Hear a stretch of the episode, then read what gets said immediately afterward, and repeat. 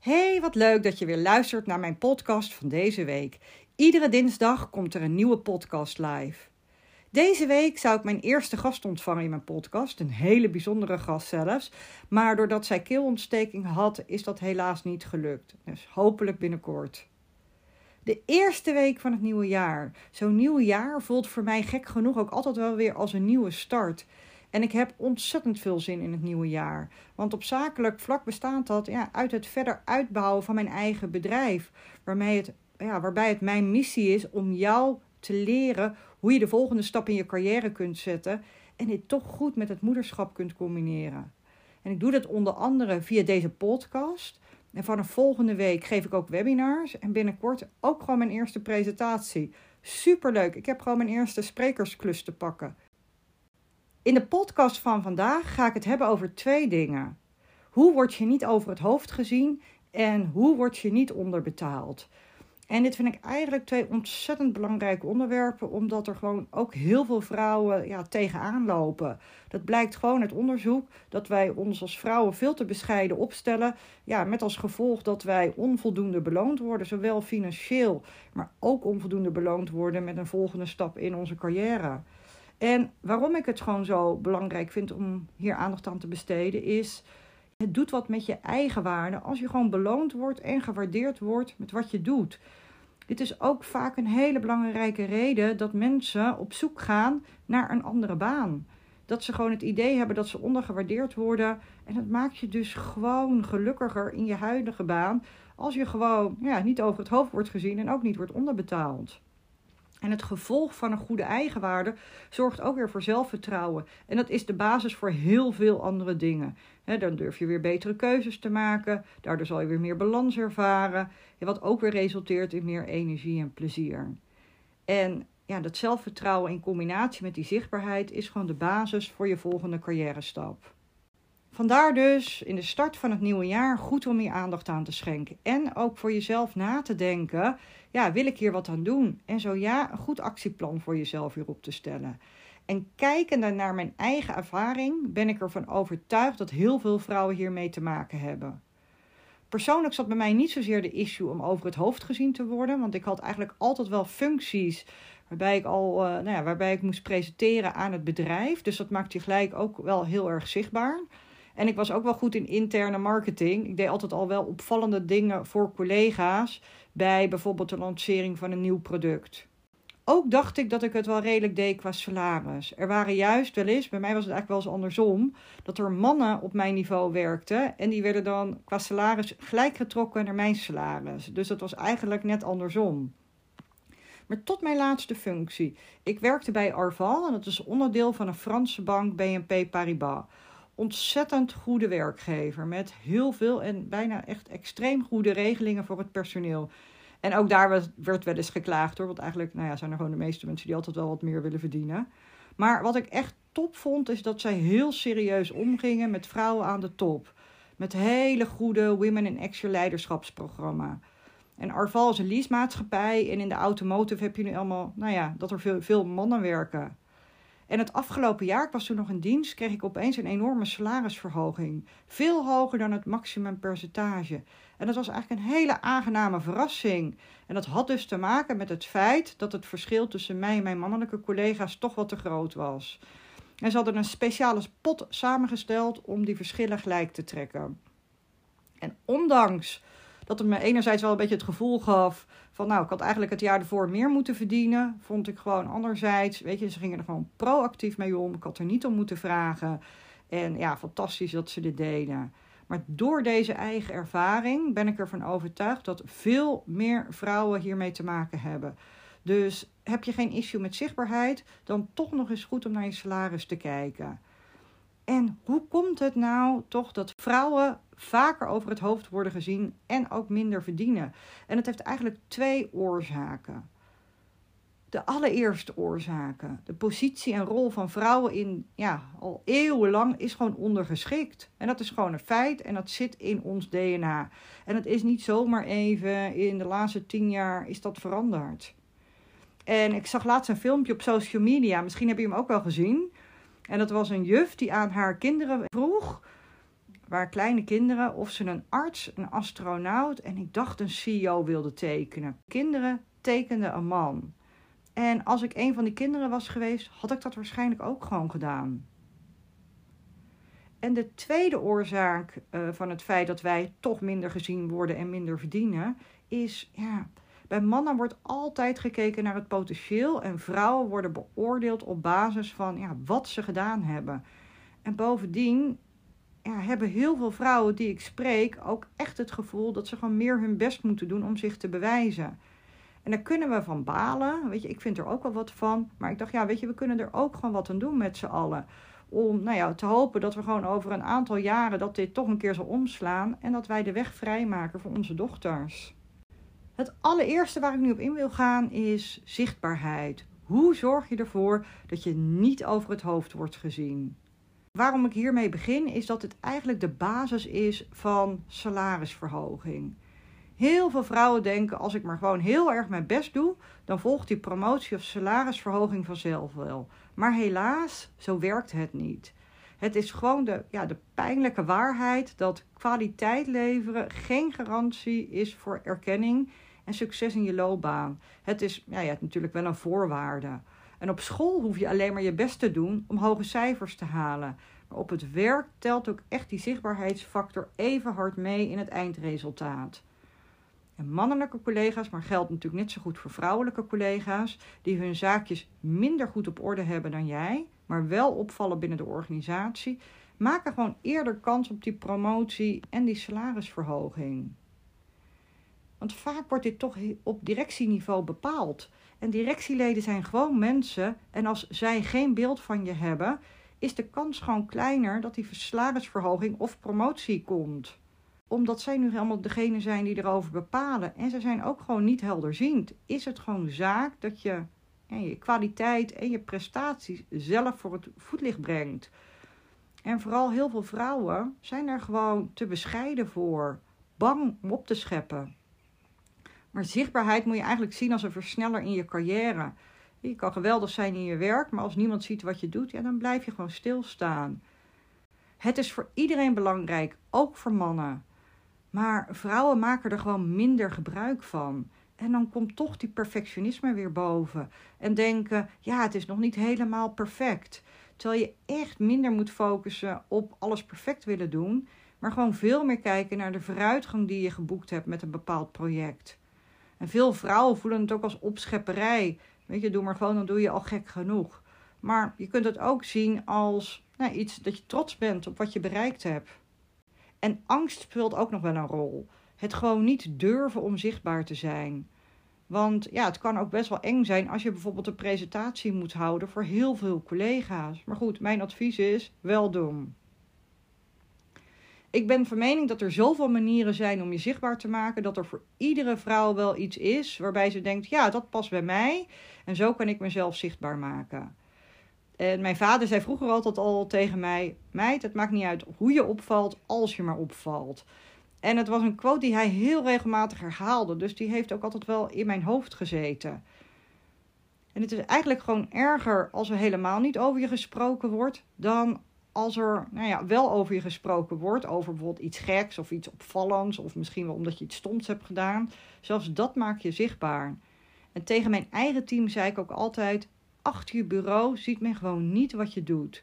Per bedrijf is het natuurlijk verschillend hoe je mee om kan gaan, en daar ga ik zo dieper op in. Maar het komt er wel op neer op het moment dat je de kans hebt om te presenteren of iets te pitchen. Zorg ervoor dat je extreem goed voorbereid bent, zodat je kan shinen op dat moment dat je gewoon een goed verhaal hebt. En waarom? Dat is gewoon wat men van je ziet. Niet hoe goed jij je mail bijvoorbeeld geordend hebt of iets, nou ja, of iets dergelijks. En hoe pak je die zichtbaarheid dan aan? De eerste stap is voorbereiding. Weet je, maak er tijd voor. We zijn allemaal druk. De mail eindigt nooit. Thuis eindigt de was nooit. Dus klusjes zijn nooit af. Dus je moet hier gewoon tijd voor maken en het inplannen voor jezelf. En je zal ook tijd moeten maken om die successen vervolgens uit te dragen. En in die voorbereiding is het ook goed om voor jezelf super scherp te hebben op welke gebieden je eigenlijk wilt profileren. En ja, profileren kan nog wel eens een beetje een soort van negatieve ondertoon hebben. Maar het gaat niet om borstklopperij, maar gewoon waar wil jij bekend om staan? Dat is de tweede stap. Hè? Weet gewoon waar jij bekend om wil staan. En de derde tip is: ja, schrijf al je successen eens op van het afgelopen jaar. En wat was jouw bijdrage daaraan? En vanaf nu is het eigenlijk makkelijker om gewoon een lijstje te gaan bijhouden, zodat je het niet meer achteraf hoeft te doen. En dat kan zo simpel als gewoon een bestandje op je computer zetten.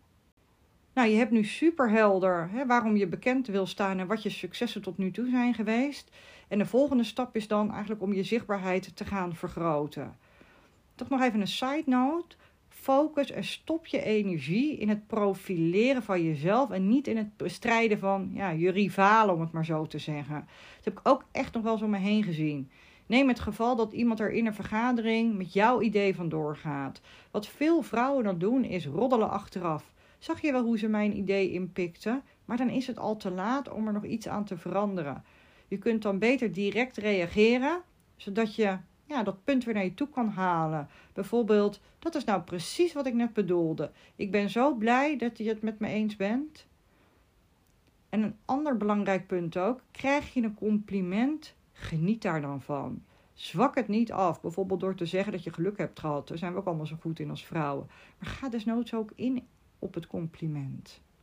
Waar en wanneer kun jij je dan goed zichtbaar maken? Mijn 10 tips.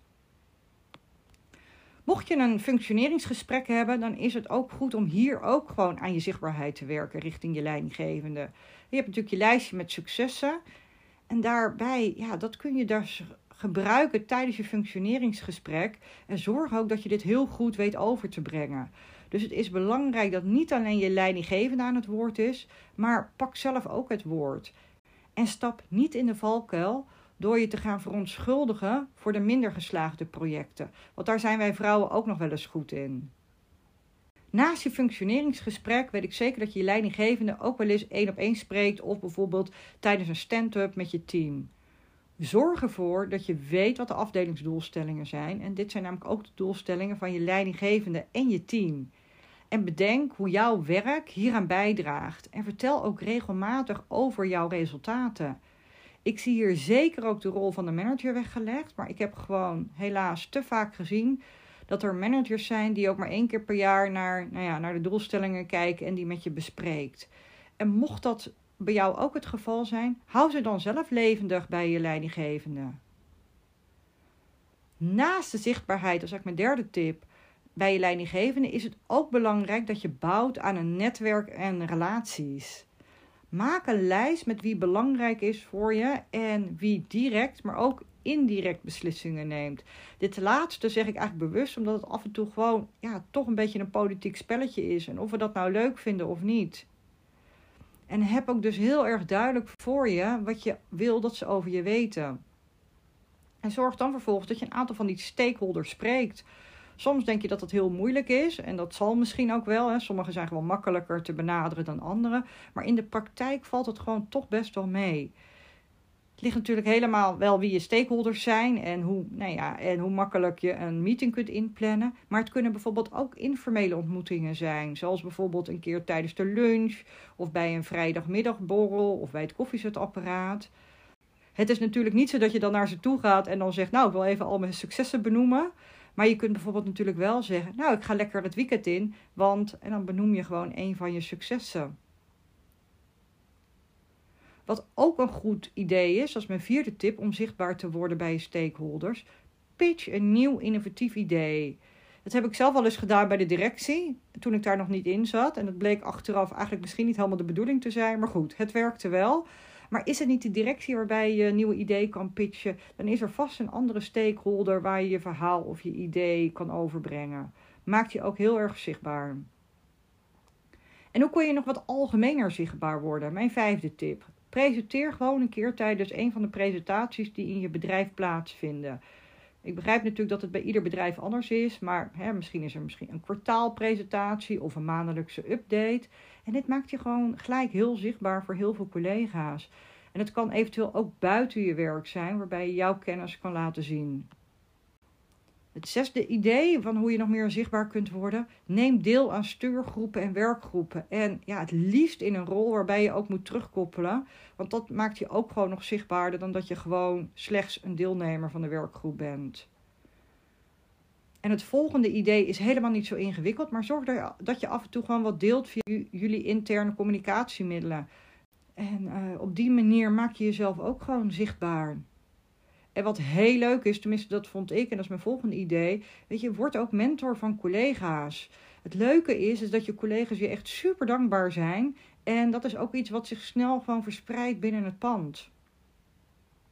En mijn negende tip is, wat ook helpt, is kun je wat opvallends doen voor je hele organisatie of voor je collega's. Ik heb bijvoorbeeld bij twee bedrijven gewerkt waar ik in de verhuiscommissie zat. En ik snap dat je dan wel nou ja, bij een bedrijf moet werken wat op dat moment dan precies verhuist. Maar het maakte me wel heel erg zichtbaar. Want iedereen is natuurlijk super nieuwsgierig ja, wat er allemaal gaat gebeuren met die verhuiscommissie.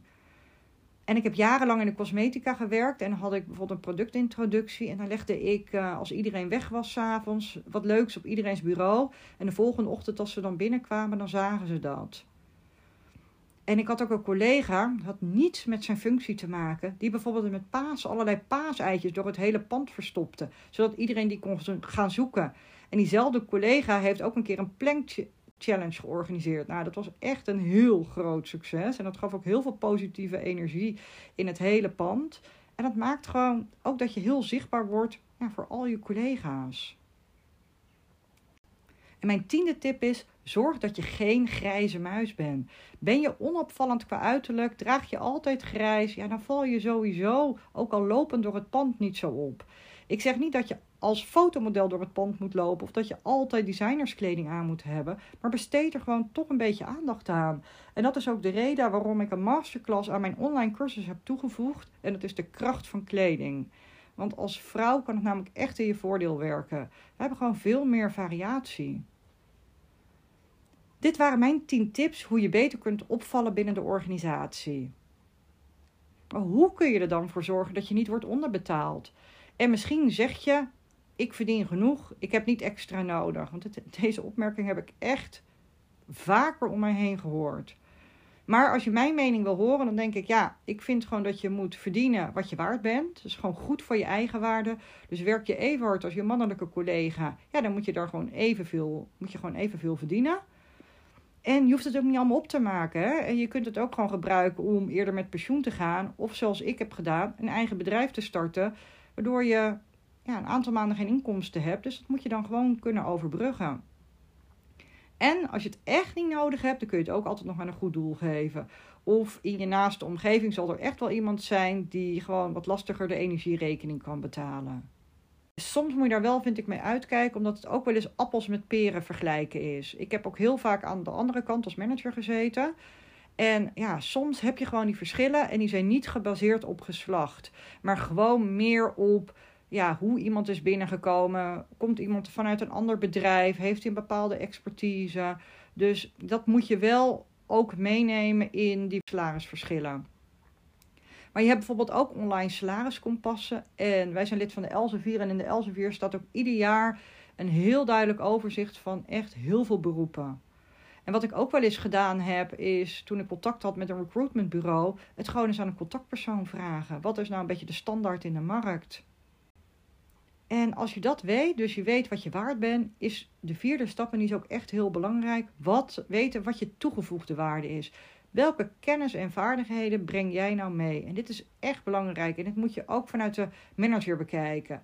Mij is ook regelmatig gevraagd om salarisverhoging. En als ik dan de vraag stelde, ja, waarom eigenlijk? Dat zei ik natuurlijk wel iets vriendelijker. Dan konden ze daar niet altijd even goed antwoord op geven. En het in ieder geval niet goed beargumenteren. En alleen zeggen, ja, door mijn inzet, dat is gewoon niet een heel goed punt. Ken je successen en weet die ook te benoemen en heel goed over te dragen. Die toegevoegde waarde kan zitten in bepaalde kennis die je hebt of innovatieve ideeën die je tot uitvoering brengt. Net iets extra's dat je bijvoorbeeld met het team doet. Doe, en doe dit ook vanuit de ogen van je leidinggevende. Bedenk ook wat belangrijk is voor het bedrijf of gewoon voor je leidinggevende en link dat naar jezelf toe. En wat ik ook nog wel eens vond, zeker in mijn laatste twee functies, had ik echt hele grote teams onder me. En ik keek ook heel erg naar de teamdynamiek. Dus wat brengt een individu mee in het team? Want uiteindelijk gaat het erom dat je het gewoon als team doet. Nou, heb je duidelijk wat jouw toegevoegde waarde is? Ja, dan moet je naar je leidinggevende naar binnen stappen. En zorg dat je dat gesprek heel goed hebt voorbereid. Sowieso geoefend in je hoofd en wellicht ook echt nog even oefenen met een vriendin. Bedenk de verschillende scenario's die zich voor kunnen doen tijdens het gesprek en weet daar dus ook op te anticiperen. Bereid ook dat deel heel goed voor. En wat nog wel eens kan helpen is dat je gewoon doet of je onderhandelt uh, voor een ander in plaats van voor jezelf wat ook belangrijk is, is zorg dat je er heel positief in gaat. Met een lach, een open houding, dat je goed meedenkt. En ja, ook belangrijk dat je jezelf even van tevoren oplaat. Dat je echt met energie binnenkomt. In ieder geval dat je je gewoon energiek voelt. Als ik zelf wel eens van dit soort gesprekken had, dan zei ik ook van die opbeurende dingen tegen mezelf. Zoals, je kan het dan ja, je bent het waard. Ja, van die pep talk dingen, maar dan ja, tegen mezelf. En waarom het belangrijk is om met de juiste energie naar binnen te stappen, is ik heb te vaak meegemaakt dat iemand dan denkt dat het goed is om er met een soort gestrekt been in te gaan, met een expressieloze en bijna zagrijnige blik. Maar ja, je gesprekspartner is ook gewoon een mens. En onthoud, het is belangrijk dat het je gewoon gegund wordt. En gooi niet in één keer al je argumentatie over de heg, maar doseer ze, zodat je nog wat achter de hand hebt. Want het eerste antwoord wat je waarschijnlijk hoort, of dat kunnen er twee zijn. Optie 1 is nee, ik moet er even over nadenken. En optie 2 is nee, ik moet het even overleggen. En dan komt jouw volgende stap. Want nee is niet het einde van je onderhandeling, maar een startpunt. Laat het ook wel even rusten op dat moment en loop niet continu naar binnen, want dat gaat ook irriteren. En dat is gewoon het laatste wat je wil, want er is gewoon sprake van die gunfactor. Wat wel handig is om direct een volgende afspraak in te plannen voor bijvoorbeeld over drie weken. En blijf ook in die volgende gesprekken benadrukken wat jouw toegevoegde waarde is, wat je waard bent en wat je wilt verdienen.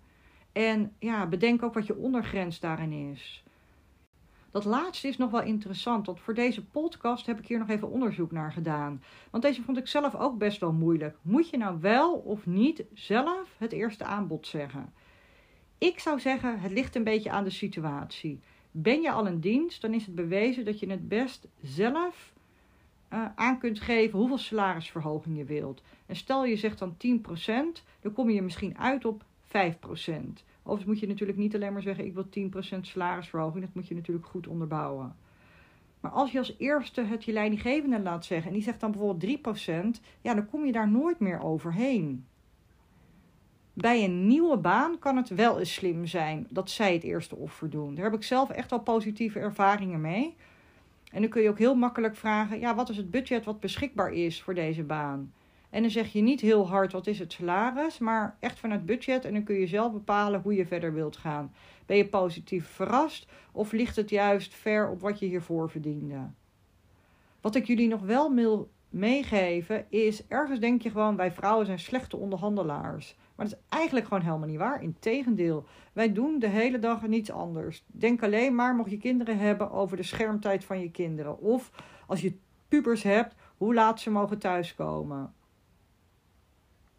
En als het je uiteindelijk nu niet lukt, hè, dus dat antwoord van je leidinggevende blijft nee, spreek dan af wat je wel moet doen om een hoger salaris of betere arbeidsvoorwaarden te krijgen. En op welk termijn. En laat dit ook zwart op wit zetten. Het kan altijd zijn dat je hey, je leidinggevende weer wat anders gaat doen. Of het gewoon vergeten is weer na een paar maanden. Dit was de podcast van deze week. Vond je de podcast leuk? Dan zou ik het enorm waarderen als je deze 5 sterren wilt geven op Spotify of Apple Podcast. En wat ik ook leuk zou vinden als je hem aanraadt aan je collega's of vriendinnen. Of iets post op social media. Tot volgende week.